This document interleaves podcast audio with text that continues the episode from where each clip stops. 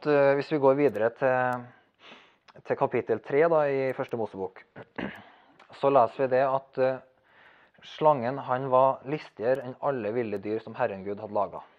I vers 1 det her. Den sa til kvinnen, har Gud virkelig sagt at dere ikke skal spise av noe tre i hagen? Kvinnen sa til slangen, vi kan spise av frukten på trærne i hagen, men om frukten på treet som står midt i hagen, har Gud sagt, dere må ikke spise av den og ikke røre ved den, for da skal dere dø. Da sa slangen til kvinnen, dere skal slett ikke dø, men Gud vet at den dagen dere spiser av den, vil øynene deres bli åpna, og dere vil bli som Gud og kjenne godt og ondt. Nå fikk kvinnen se at treet var godt å spise av, og en lyst for øyet, et forlokkende tre, og siden det kunne gi innsikt. Så tok hun av frukten og spiste. Hun ga også til mannen sin, som var sammen med henne, og han spiste. Da ble øynene deres åpna, og de skjønte at de var naken, osv.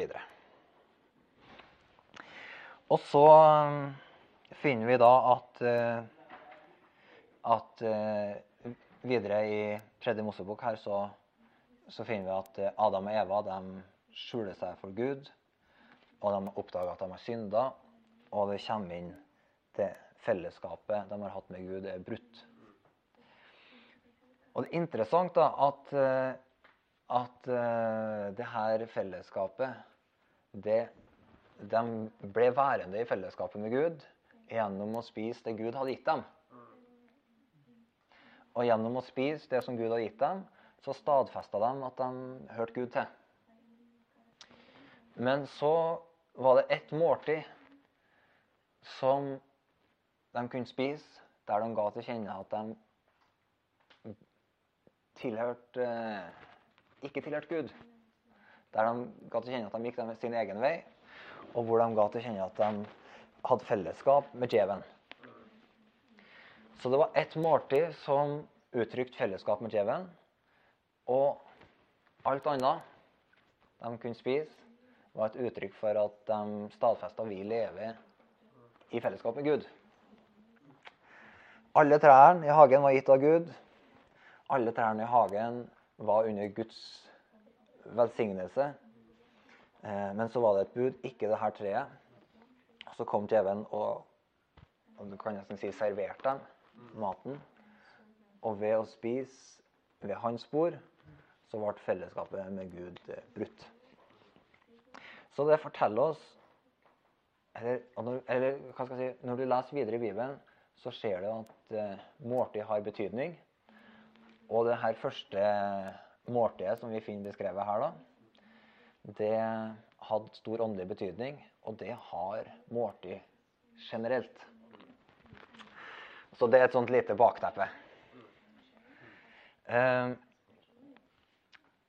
i, vi kan gå sammen til Markus eh, kapittel 2.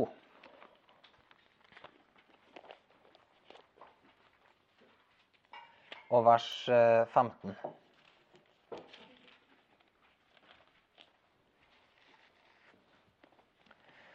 Her har Jesus møtt Levi, som var en eh, som jobba med skatt og avgift. Og som eh, var eh, da I de religiøse sine øyne så var han utafor det gode selskapet. Så leser vi vers 15. Senere var Jesus gjest i huset hans, og mange tollere og syndere var til bords sammen med Jesus og disiplene, for det var mange som fulgte han. Da de skriftlærde eh, blant fariseerne så at han spiste sammen med syndere og tollere, sa de til disiplene, hvorfor spiser han sammen med tollere og syndere? Jesus hørte og sa til dem, det er ikke de friske som trenger lege, men de syke. Jeg er ikke kommet for å kalle rettferdige, men syndere.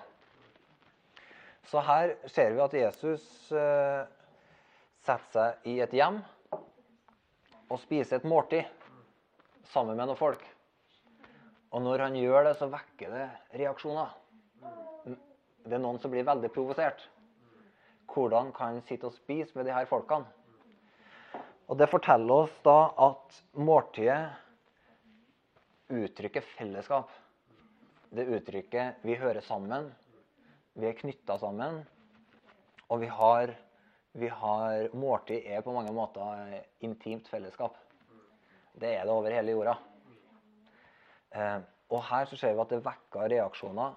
Han spiste sammen med dem. Det betydde han identifiserte seg med dem. Han var en av dem. De delte et måltid. Da var de på en måte ett.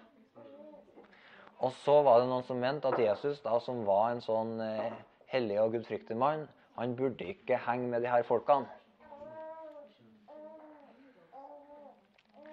Eh, og så skjønner vi jo da at Jesus han var veldig bevisst.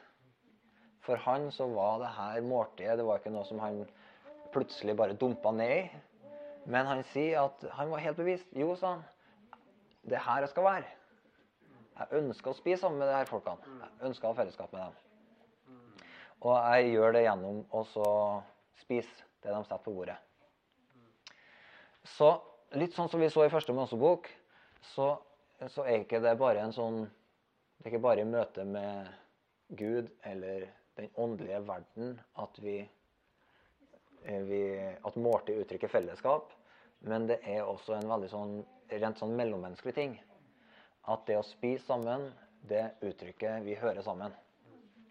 Eh, kanskje Måltidet er kanskje noe av det som sterkest knytter en familie sammen. Det er interessant. Du har blodsbånd og så blir det stadfesta bl.a. gjennom måltid. Hver eneste dag. Folk er sammen, spiser de sammen. Så måltid er veldig interessant. Eh, bare sånn generelt, det er en, eh, et uttrykk for at vi hører sammen. Det er masse historier i Bibelen på eh, på at måltid også skiller vi skal, ikke, vi skal, ikke, lese alle dem, men hvis du leser f.eks. om Josef Han var jo øh, Etter at han var kommet til Egypt, og etter at farao hadde drømt, og Josef hadde tyda drømmene til farao, og Josef ble satt til statsleder og var nest etter farao i alle ting, så finner vi at fortsatt da så spiste ikke farao og egypterne sammen med Josef. Han måtte sitte på et bord for seg sjøl. Fordi at egypterne de ville ikke spise sammen med hebreerne. For de mente at hebreerne var sånne urene folk. De, var, de, hadde en litt annen klasse med seg. Og så finner du da i, i gjennom eh, i Det nye testamentet så finner du at uh, du har en situasjon hvor Paulus reiser seg og refser refser Peter. Og det gjør han fordi at eh, Peter hadde vært eh, sammen med ikke-jøder og spist. Og så hadde Jakob, som var bror til Jesus og en av lederne i Jerusalem-menigheten, kommet på besøk.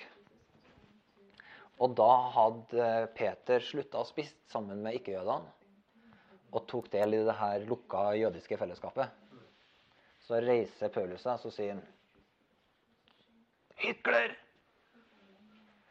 Før Jakob kom, så var ikke det her noe problem. Og i lys av evangeliet så er det ikke noe problem. Men fordi du er en hykler, så fikk du trøbbel når Jakob kom. Interessant. Men poenget da her er at, eh, at måltidet da, det kan skille i dette eksempelet så skiller det på en dårlig måte. Eh, og sånn som, leste sånn som jeg refererte om Josef og egypterne, det var et sånt rent menneskelig skille. Og så finner vi at Jesus visste at måltidet var et sånt sted der du enten blir inkludert eller atskilt. Og Jesus gikk rett inn i den kulturen og spist sammen med folk han ikke skulle spise sammen med.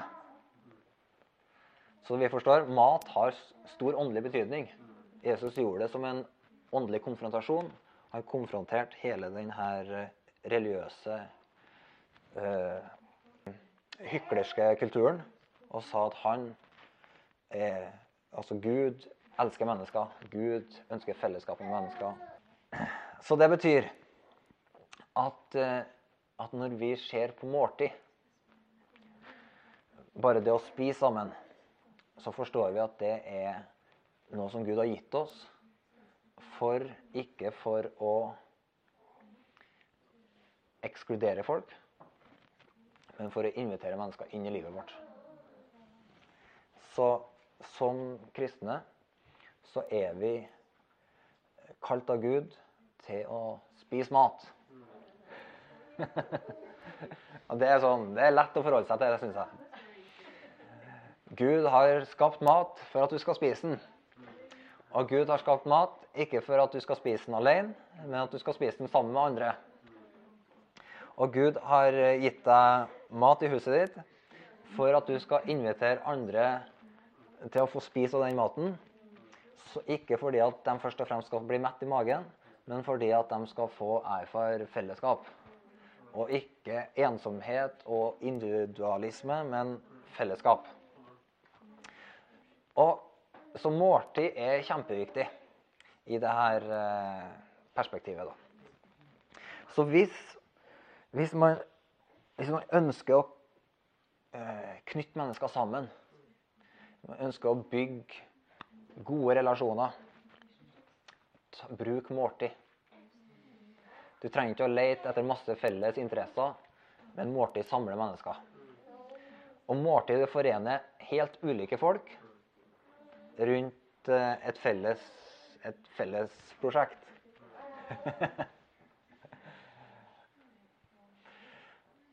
Så det er fantastisk. Så nå har vi bare slått fast det her at, eh, at måltidet det er en arena for å inkludere. Skal vi ta med ett eh, aspekt til før vi, vi går videre. Fordi at generelt så ser vi at Gud har gitt oss måltidet for å leve fellesskap. Det har han gjort i familielivet, det har han gjort i menigheten. Og det, sånn som Jesus så ser vi at det er en måte å leve fellesskap ikke bare med menigheten, men med alle mennesker. Så det er det generelle prinsippet du finner i Guds ord. La oss gå sammen til 1. Korinterbrev og kapittel 5. Les fra vers 6. Eh, Dere har sannelig Her er Paulus inn og refser menigheten for eh, incest, og at de ikke har tatt oppgjør med det. Og så sier han Dere har sannelig ikke mye å være stolte av. Vet dere ikke at litt surdeig gjennomsyrer hele deigen? Rens ut den gamle surdeigen, så dere kan være ny deig. Dere er jo som usyret brød for vårt påskelam er slaktet Kristus, så la oss holde høytid, ikke med gammel surdeig av ondskap og synd, men med renhetens og sannhetens usyrede brød. Nå, nå snakker han i billedspråk her. Akkurat dette avsnittet handler ikke om hva slags mat du spiser. Men han trekker en parallell til påskemåltidet i det, det jødiske påskemåltidet, der det var et påskelam, og så var det usyra brød som sto på menyen. Og så sier han at dere er kalt som fellesskap, som mener til å være usyra brød. Og Kristus er påskelammet som Gud har slakta, og som har knytta dere sammen. Og så um, sier han da at eh, la oss da holde måltid med, med, ikke med gammel surdeig av ondskap og synd. Så det betyr veldig enkelt at eh, hvis du tillater eh, Eller hvis du ikke tar opp Hvis du, ikke rød, hvis du ser synd Eller at eh, det er noen som lever en åpenlys synd eller opprør mot Gud i menigheten. Så sier han hvis ingen tar det opp, hvis det ikke blir sagt noe om det, men det bare blir lata som om det ikke fins, så kommer det inn en surdeig mellom dere. Og den, fordi dere ikke tar et oppgjør med den, så blir den en del av dere. Det er ikke bare sånn at den som har synda, lever i synd og i oppgjør mot Gud, men det er en felles aksept som gjør at du er akkurat like medskyldig. Det er den som tier, samtykker. Det er akkurat som La meg si det. Hvis at du hvis, La meg si det på en annen måte. da. Hvis du hadde vært vitne til incest og ikke griper inn, da er du medskyldig. Du kan ikke stilltiende akseptere det. Da, da er du råtten tvers igjennom. Eh, og sånn er det, det Det er ganske lett å si det er en sånn stor sak og synlig sak, men sånn er det i små ting òg. At eh, du kan ikke bare glatte over ting og late som det ikke fins, for da er det en del av deg sjøl. Så det er det Paulus sier her. Vær usyr av deg. Og så sier går han videre og sier han, jeg skrev i brevet til dere at dere ikke skal ha noe å gjøre med folk som lever i hor. Jeg mente ikke alle i denne verden som driver hor, eller er grådige, eller er ransmenn og avgudsdyrkere. Da måtte dere jo gå ut av verden. Ok? Så han sier ikke at du Han sier ikke at du Altså Jesus han hadde fellesskap med en del av sånne folk som Paulus ramsa opp her. Eh, som levde i åpenlys synd. Paulus sier det er helt uproblematisk.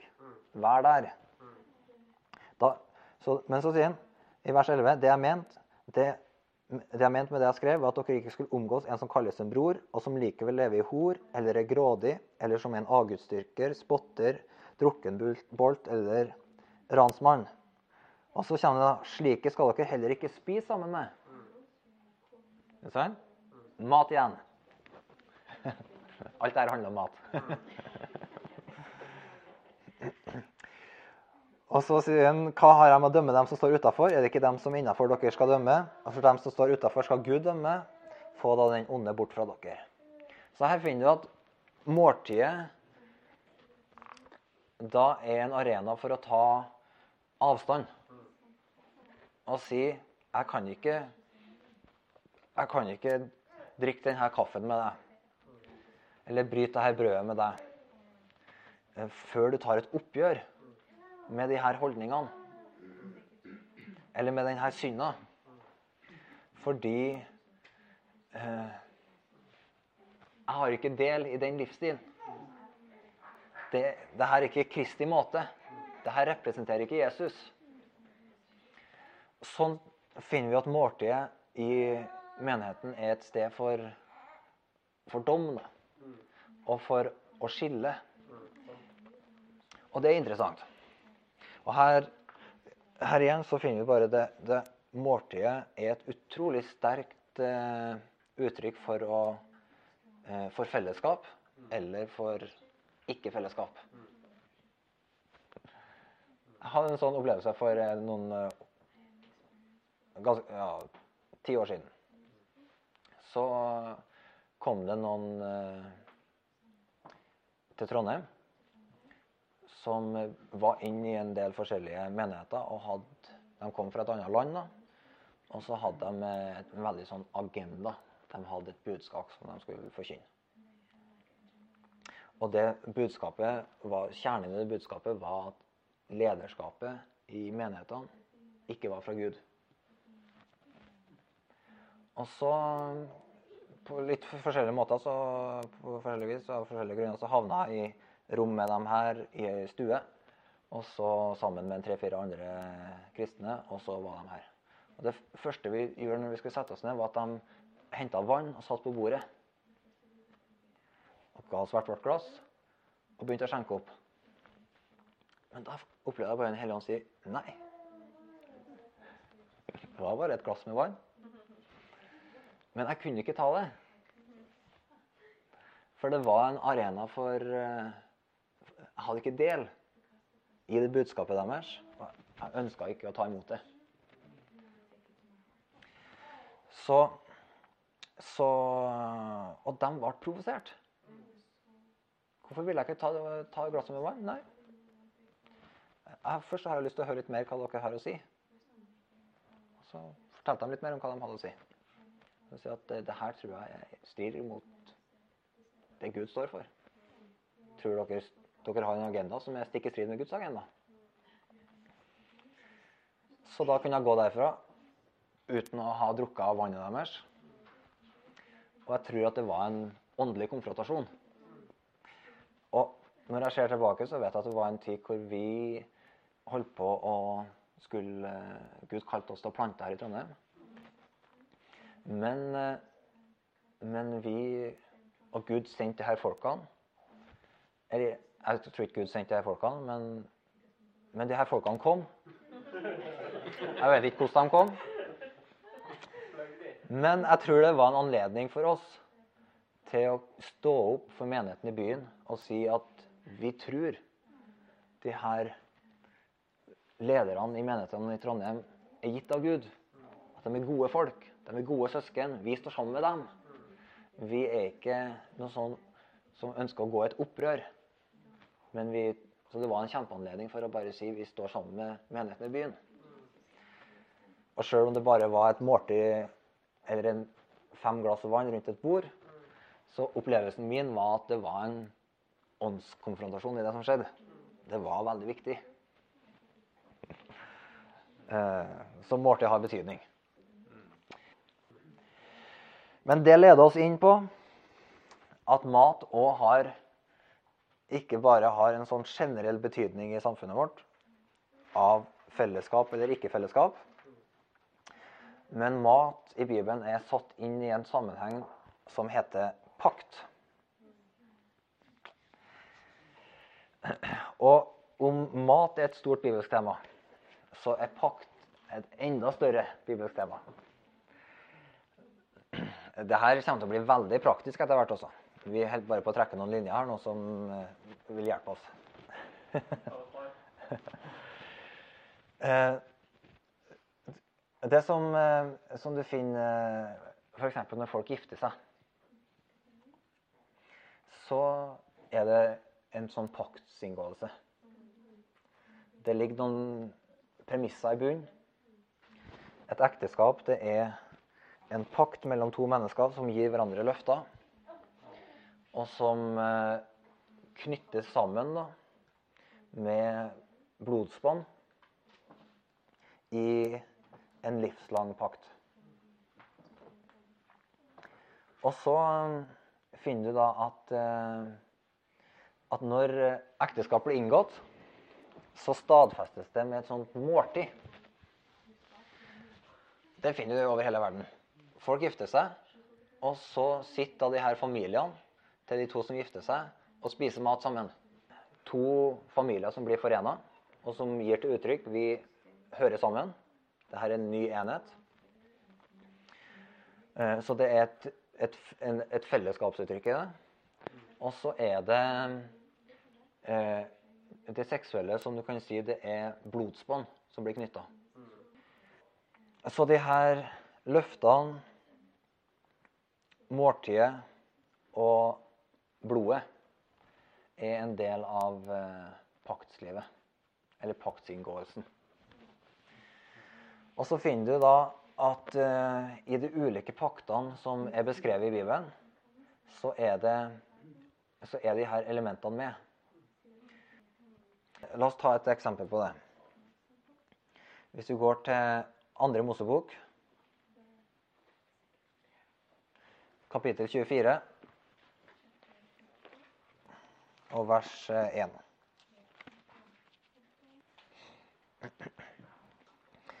Det her er Overskrifta her i min bibel er 'Herren slutter pakt med Israel'. Gud sa til Moses, 'Kom opp til Herren, du og Aron, Nadab og Abihu og 70 av Israels eldste.' Mens dere ennå er langt borte, skal dere kaste dere ned og tilbe. Bare Moses skal nærme seg Herren, de andre må ikke komme nær, og folket skal ikke gå opp sammen med ham. Moses kom og kunngjorde alle Herrens ord og forskrifter for forsamlingen. Da svarte de samstemmig, alt Herren har sagt, vil vi gjøre. Så skrev Moses ned alle ordene fra Herren. Og neste morgen sto han tidlig opp og bygde et alter ved foten av fjellet og reiste tolv steinstøtter for Israels tolv stammer. Han sendte ut noen unge israelitter for å bære fram brennoffer og slakte okser som fredsoffer for Herren. Moses tok halvparten av blodet og helte det i skåler, den andre halvparten stenket han på alteret. Så tok han paktsboken og leste den høyt for folket, og de sa, Alt Herren har sagt, vil vi gjøre og adlyde. Da tok Moses blodet, stenket det på folket og sa, se dette er paktens blod, den pakten Herren har sluttet med dere, på grunnlag av alle disse ordene. Så her finner vi bud og løfter og blod i form av de her ofringene. Og så finner vi da i vers 9 Moses og Aran, Nadab og Abihu og 70 av Israels eldste gikk da opp og fikk se Israels Gud. Under føttene hans var det som et gulv av safir, klart som himmelen selv. Men mot eh, Israels fremste menn løftet han ikke sin hånd. De skuet Gud, og de spiste og drakk. Er ikke det stilig? Her ble pakten inngått, og så sitter da de her Israels eldste foran Guds ansikt og hadde et skikkelig festmåltid. De spiste og drakk. Og skua Gud. Det er fantastisk. Så pakta ble inngått og, og på en måte stadfesta gjennom blodet og gjennom det her måltidet som de eh, tok del i. Så det er veldig interessant. Eh, Og det her eh, paktsmåltidet da, som du finner beskrevet gjennom eh, hele Bibelen, det, det hadde mange forskjellige sånne uttrykk. Det var ikke sånn at måltidet bare uttrykte pakta mellom mennesker og, og Gud, sånn som i denne situasjonen. Men sånn som vi har lest, bryllup ble stadfesta av måltid, så finner du andre sånne pakter. F.eks. Eh, når eh, Jakob og Laban ble enige, Vi kan lese om i første Mosebok, mot slutten der. Når de ble enige om at vi ikke skal det her er ei grense som ingen av oss skal gå over med noe ondt i sinne. De hadde jo krangla så busta føk. Så laga de en grense, og så hadde de en pakt. Og så spiste de sammen. Og så finner du andre sånne pakter som Abraham eh, og andre eh, Abraham han han er fantastisk til å inngå pakter. Annet med en del sånn konger gjør avtaler og sånn. Så finner du de blir stadfesta ved at de spiste sammen. Hadde måltid sammen. Eh, Så det er et sånn gjennomgående tema at pakter og måltid hører sammen. Pakta ligger til grunn. Ordene, løftene, budene, på en måte paktsgrunnlaget ligger der som et fundament. Og så blir det stadfesta av et måltid. Eh, og så da, når, eh, når Jesus eh, innstifter den nye pakt, som da er den pakta som vi nå lever i Gud sammen med, eller på grunnlag av, så har den pakta et fundament, og det er Guds nåde. Og tilgivelsen og rettferdiggjørelsen som kom med Jesus sitt blod. Så Gud hadde, har kommet med noen løfter til oss.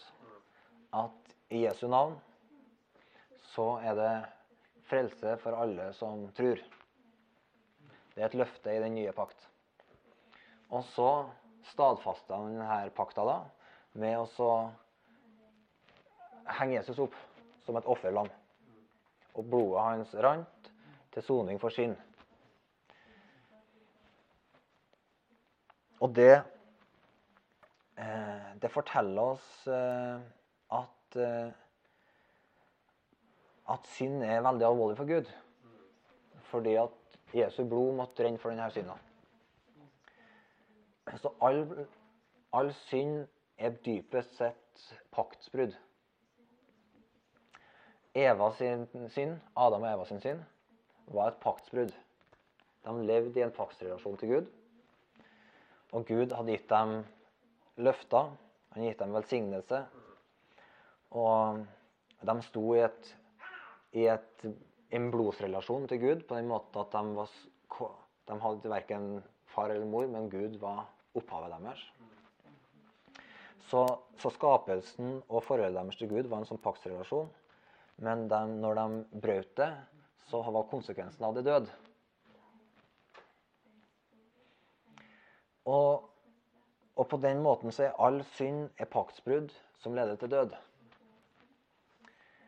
Men så finner vi da i den nye pakt at Gud gjør det geniale at han stiller fram Jesus Kristus da, som et offer for all synd, som gjør at, at vi blir, på grunn av Jesus blod så er vi satt inn i en ny pakt med Gud.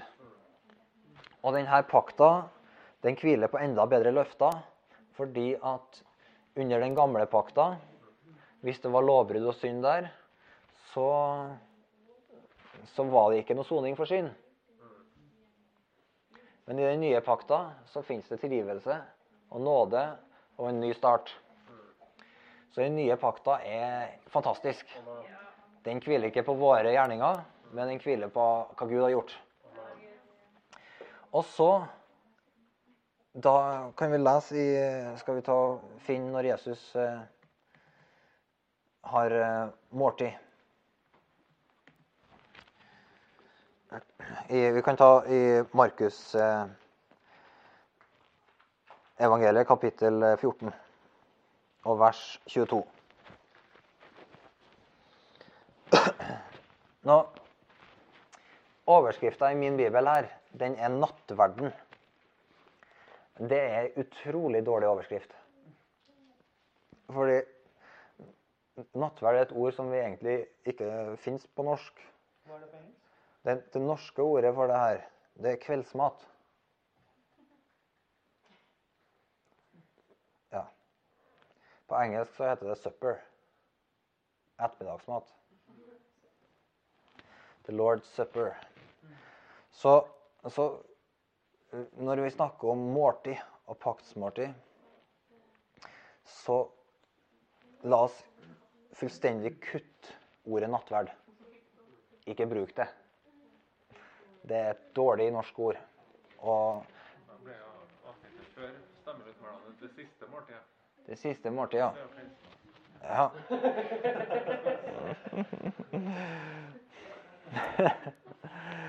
men, men, det, som, ja, men det, er et, det er et litt godt poeng i det som uh, Fredrik sier her, da, fordi at, eh, at uh, Poenget her er at det er et måltid. Og det var det siste måltidet Jesus holdt med disiplene sine. Og det første vi trenger å legge merke til her, det er at Jesus han, han ønska å spise sammen med dem. Og det betyr Jesus ønska fellesskap med dem. Han, det her var et sånt måltid der han ønska å si det her er det som vi skal ha sammen. Jeg skal gå hjem til min himmelske far, men det her er det, det, her er det siste måltidet vi har sammen før vi skal spise det nytt i Guds rike. Så, det, så når du leser eh, Nå vet jeg om det er referert i dette avsnittet, da, men, men han, skri, han sier bl.a. i forbindelse med måltidet at jeg har lengta inderlig etter å ha spist dette måltidet sammen med dere. Det betyr det her paktsmåltidet som Jesus innstifta, det var først og fremst så var det masse mat som de spiste sammen og, og hadde det godt sammen.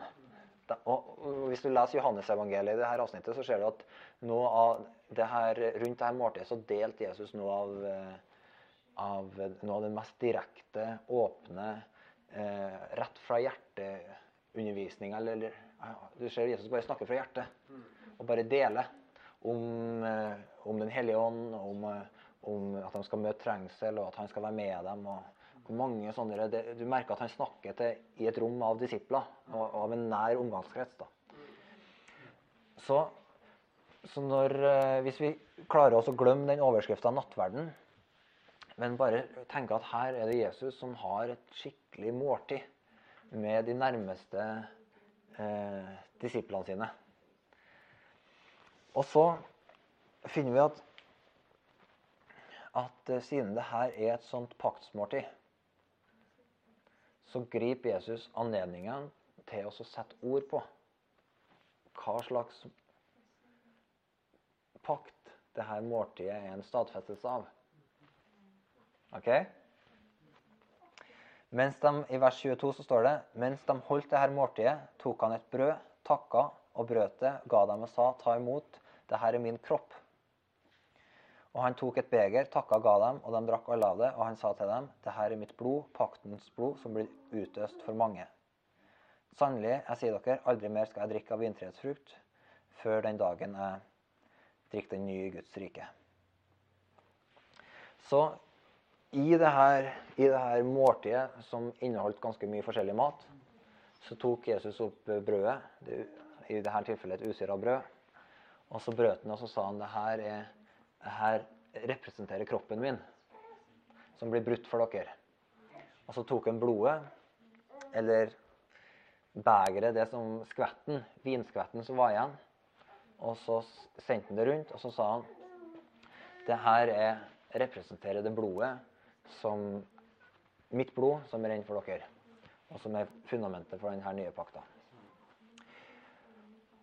Og så finner vi da at det her, den måten å huske på pakta med Jesus blir da praksisen i det nye paktsfellesskapet. Så når Jesus står opp igjen fra de døde, så, så ser du at han møter dem med, med mat. I Johannesevangeliet, kapittel 21. Her står det om her er disiplene ute og fisker. Dette er etter at Jesus er korsfesta, etter at han er lagt i grava, etter at han har stått opp fra de døde. Så er disiplene hans ute og fisker, og så er det morgen. Jesus er på stranda, og så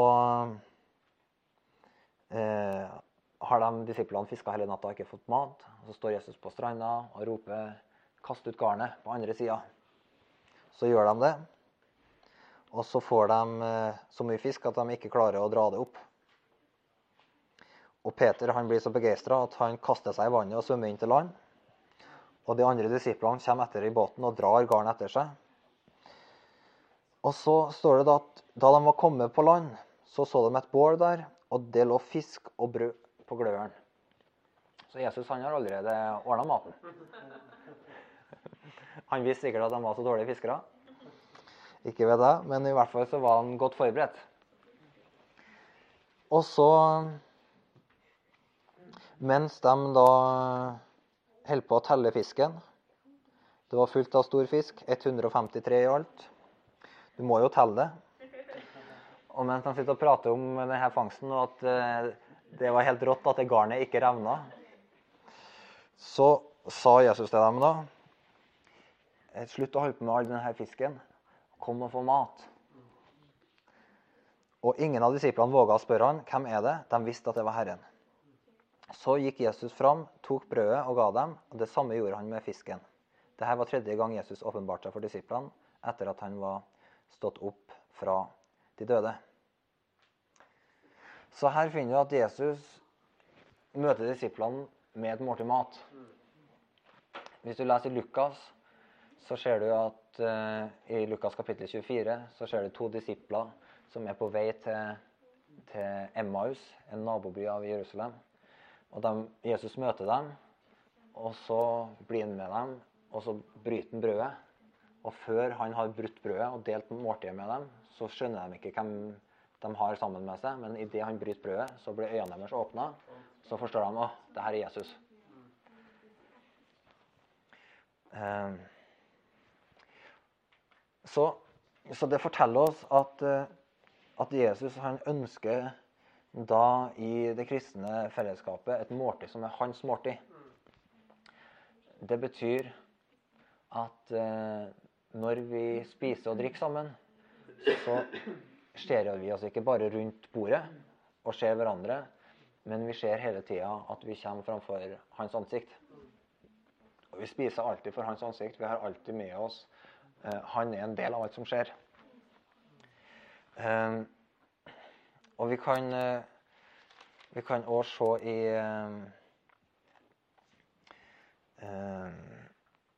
altså du finner, du finner i apostelgjerningene kapittel 1 òg.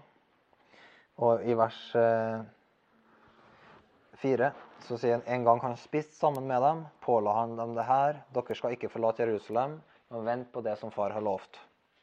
Det som dere har hørt av meg. Så du finner det her hele tida. Etter oppstandelsen så ser du fortsatt måltidet helt sentralt i fellesskapet disiplene har med Jesus. Skal, nå skal vi begynne å lande, altså. Men i, i slutten av kapittel 2 så finner vi om de, de, de første disiplene.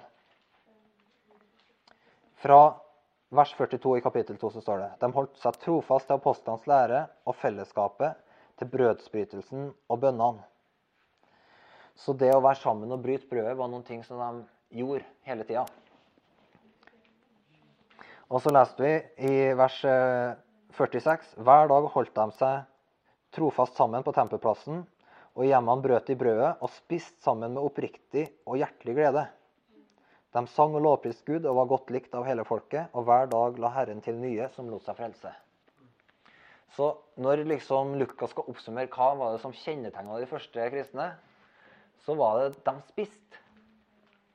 Ja, de lovsang Gud. De, de øh, var sammen om Guds ord. Men like fremtredende, like viktig, like tydelig, like synlig som det, så var det at de spiste sammen. Og det, og det er interessant. Og så um, skal vi gå sammen til første Korinterbrev og kapittel 11. Det er om kveldsmaten. Herrens måltid. Nå skal, nå vi, skal jeg ta og summere litt før vi gir løs på det. Her skal vi lande. Det, alt vi har sett på til nå, det er veldig enkelt. Måltid har betydning. Og måltid har en åndelig betydning. Og måltid har en betydning i forhold til at vi inkluderer mennesker i livet vårt og gir oss sjøl til mennesker rundt oss. Og så ser vi at måltid har en betydning i forhold til pakt. Det betyr at i, i ulike pakter i Bibelen som vi leser om, så ser vi at måltid hadde betydning. Men så finner du da at Jesus sier at det her måltidet i den nye pakt, det er et måltid som, som eh, gir oss eh, eh, del i fellesskap med Han i en ny pakt.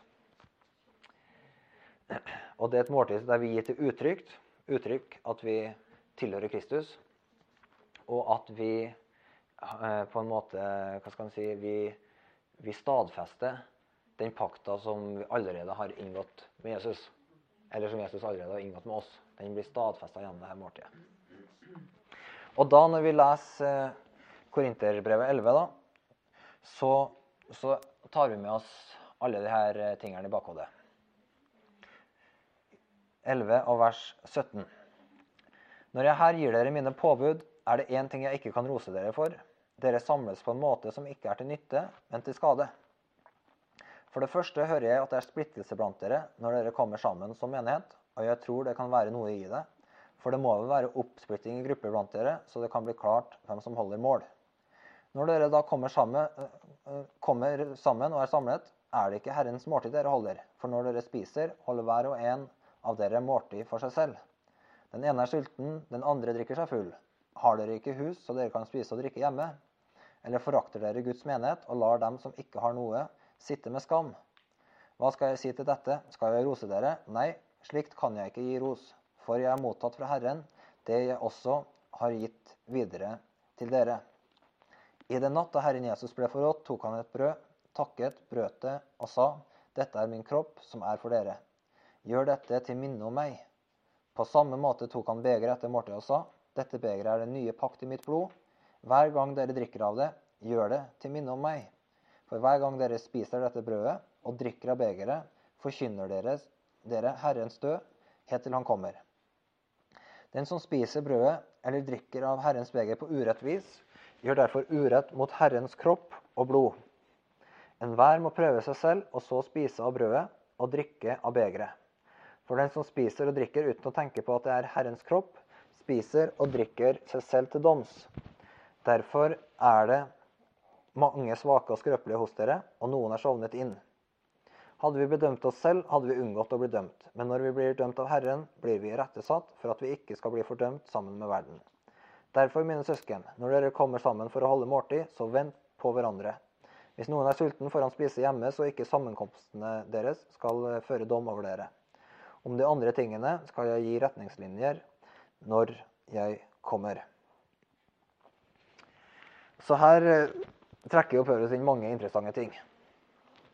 Men det første vi legger merke til, det er at når Guds folk samles, så er det vanlig å spise sammen. OK? Det har vi jo allerede lagt merke til. Og så legger vi merke til at eh, praksisen her, det er at det var masse mat og drikke. OK? Og det er ikke noe som eh, Det at det er masse mat der, er ikke noe Paulus eh, refser dem for. Men han refser dem for å ha en kultur av å ikke dele den maten som er der. Og at de er mer opptatt av å spise, fylle magen enn å holde Herrens måltid. Det vil si å spise sammen for Guds ansikt og se hverandre og, og holde Hva skal en si og, og, og, ta del i, i Herrens måltid. Og komme sammen fordi at Jesus har kalt oss sammen. da. Og så sier han at eh, når vi da spiser det her måltidet, så er det en arena for å prøve seg sjøl. Enhver må prøve seg sjøl, og så spise av brødet og drikke av begeret. Og så sier han for den som spiser og drikker uten å tenke på at det er Herrens kropp, spiser og drikker seg sjøl til doms. Så han sier det her måltidet representerer Jesus sin kropp. Det betyr det å ta del i måltidet, da gir du òg at du kjenner at du er en del av Kristi kropp. Det berører de andre kristne. Så det betyr at du kan Du, du trenger å se inn i deg sjøl, og så og, og spør deg sjøl har, jeg, har jeg noen ting uoppgjort med Jesus sin kropp. Har jeg noen holdninger i hjertet mitt, eller eh, er det noen som har såra meg? Hvis det er noen som har såra deg, så trenger du å gå til dem. Og du må ikke tenke du skal sitte og vente på at de kommer til deg og ber deg om tilgivelse. Men hvis du har blitt såra av noen, så er det ditt ansvar. Ikke de andre sitt ansvar, men ditt ansvar å gå til dem. Hvis noen har synda mot deg, så er det ditt ansvar å gå til dem og ta det opp. Det er paktsliv. Og så, så, så, og så kommer vi til måltidet. Og da vet vi at eh, hvis det er ting i hjertet vårt der vi har noen ting uoppgjort med Herrens kropp, altså andre kristne, så må vi ordne opp i det før vi spiser. Vi trenger å bringe det fram i lyset. Eh, konfronter synd. Ta oppgjør med ting. Eh, kanskje du trenger å bekjenne noen ting. Og så, eh, som regel, så kommer du til måltidet, og så er det ingenting du trenger å ta et oppgjør med. Fordi at du har en livsstil av å hele tida ta opp ting. Men da vet du at eh, når jeg bryter brødet, når du bryter brødet med meg, og jeg bryter brødet med deg, så vet du at her er det åpent. Jeg vet at du er for meg.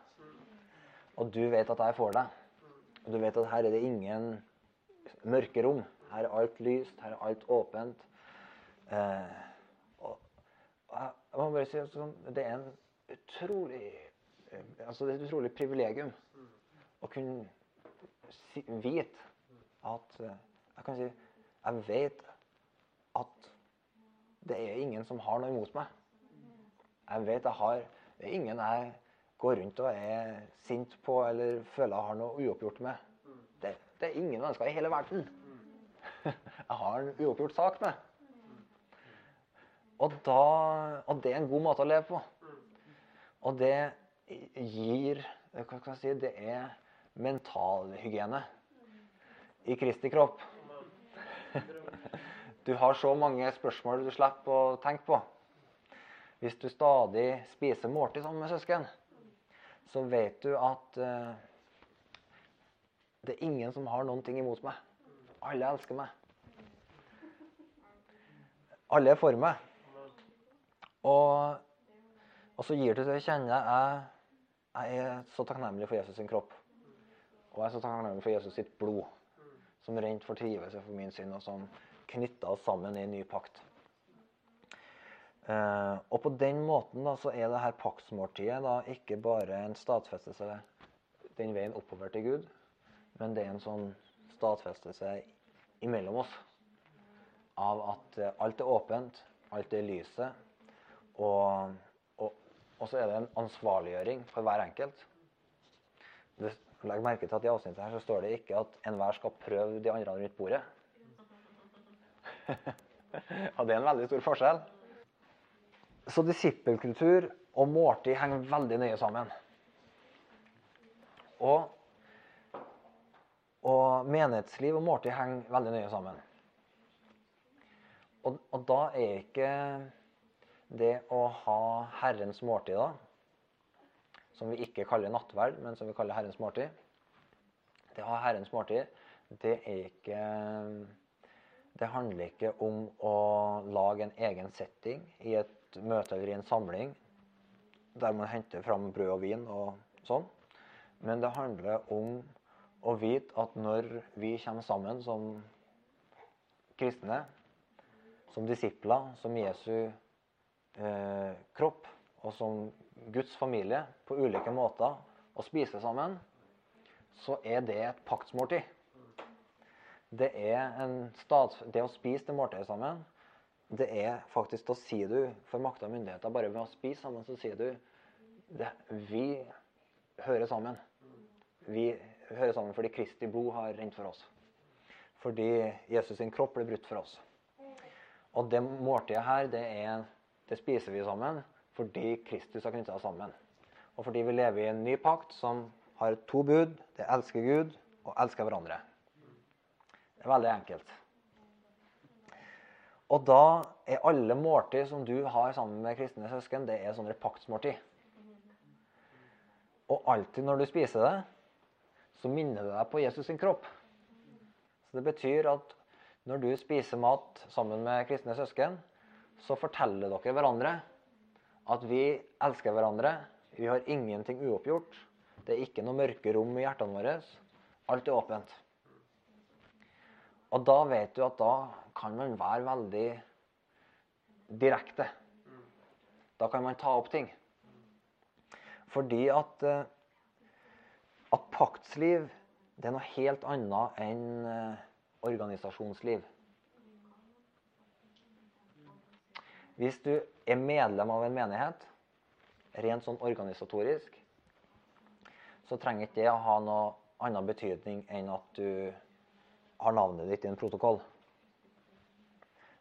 Men hvis du oppdager at du er en del av en ny pakt i Jesu Kristi blod, og så begynner du å leve pakt med søsken, og begynner å leve som en del av Jesus sin kropp, så oppdager du at det her er mye, mye dypere. Og mye, mye mer grunnleggende enn en menighetsprotokoll. Det ligger på et mye dypere plan. Det betyr f.eks. at når du har en åpenbaring av pakt, så forstår du at, uh, at søsken er gitt deg av Gud for at Gud tar det inn i livet ditt. Og det, det betyr at, uh, at vi, vi lever uten bakdør. Det er ikke sånn at når menighetslivet blir utfordrende, når vi blir frustrert på søsken, eller frustrert på et slapt lederskap, eller et eller annet som vi opplever det her er vanskelig og trasig, så bare sletter vi navnet fra medlemsprotokollen og finner en annet sted å skrive navnet vårt. Nei. De ligger mye dypere.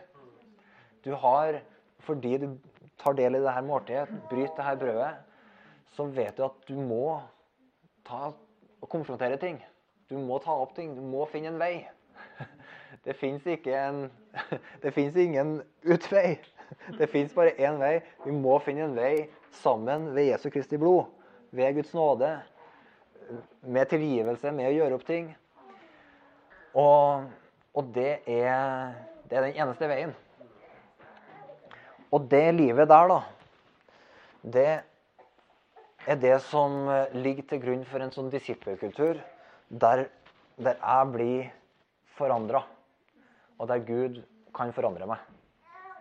Fordi at eh, hvis jeg lever i en sånn eh, forståelse av at menighetsliv er en sånn medlemskapssak, så har det ingen personlig betydning for meg hva som skjer i Guds hus. Men hvis jeg lever i pakt, så er alt som skjer i Guds hus, har betydning. Og det har ikke bare betydning innafor liksom, den menighetsfamilien du er en del av, men det betyr at det som skjer i menigheten i byen, det har betydning for oss. Og det betyr at vi lever paktsliv overalt hvor vi er sammen med kristne søsken. Så lever vi ut et paktsliv. Det er mye dypere enn en, uh, organisasjonstenkning. Det ligger et liv fra Gud i bunnen. Så paktslivet det, er, det knytter oss sammen i sånne relasjoner som gjør at vi, vi tåler ting. Og vi lever trofast sammen gjennom utfordringer. Og så oppdager du at midt i utfordringer, midt i konflikter, midt i, i at, uh, midt i irriterende søsken, irriterende småsøsken, bedrevitende storesøsken uh, osv., så, videre, så finner vi Guds nåde og hjelp fra Gud. Og så får Gud bygd oss sammen, sånn at vi ikke blir sånne individualister som bare kjører vårt eget løp. Eller at vi bare hører sammen med en sånn overfladisk organisatorisk medlemskapstilhørighet, men at vi bygges sammen og formes og dannes i, i en ny pakt. Eh, så, så disippelkultur springer hele tida ut av et, en paktsforståelse. Og, og, det har med seg det, hele, hele bakteppet er familieliv det er på samme måte som en tenåringen som kan ha konfrontasjon med foreldrene sine, og det bråker skikkelig, men likevel så er det Så hører man sammen. Og går videre sammen og finner en vei sammen. Eller det ekteskapet hvor de har krangla i fire år, og så finner de en ny vår. Fordi at de hadde pakt. Så stakk ikke de bare av når det ble vanskelig, men så fant de en vei sammen. og og fikk en ny vår sammen. Og det her livet, da, det er det som Gud bruker for å forme oss og danne oss og bringe fram Kristi karakter i livene våre.